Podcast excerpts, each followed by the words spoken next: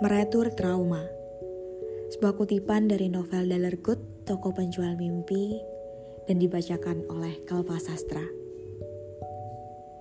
Akibat berulang kali memimpikan ikut ujian, perempuan itu menyadari bahwa dirinya belum bisa melepaskan diri dari rasa tertekan pada masa itu.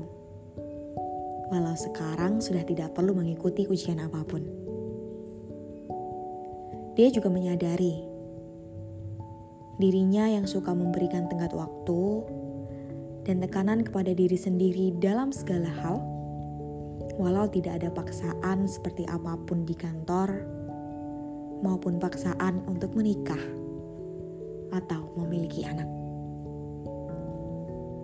Pada pagi saat hujan turun, setelah terbangun dari mimpi ikut ujian selama empat hari berturut-turut, perempuan itu bertekad untuk tidak lagi terombang-ambing mengikuti alam bawah sadarnya. Dia duduk nyaman sambil memejamkan mata di samping jendela saat hujan turun.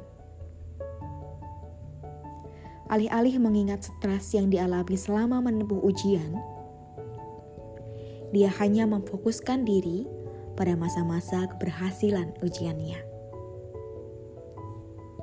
Aku bangga pada diriku yang bisa bertahan hingga saat ini.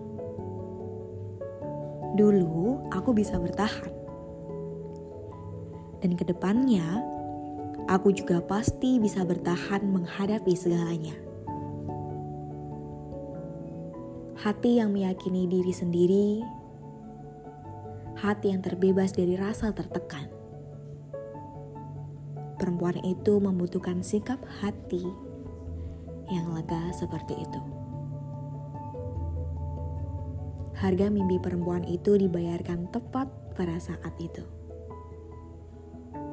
Dia tidak dihantui mimpi ikut ujian lagi.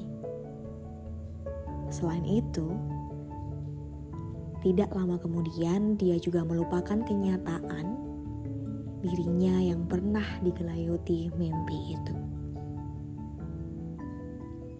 Ting tong, sejumlah besar rasa kebanggaan diri telah tiba sebagai bayaran dari mimpi untuk menaklukkan trauma.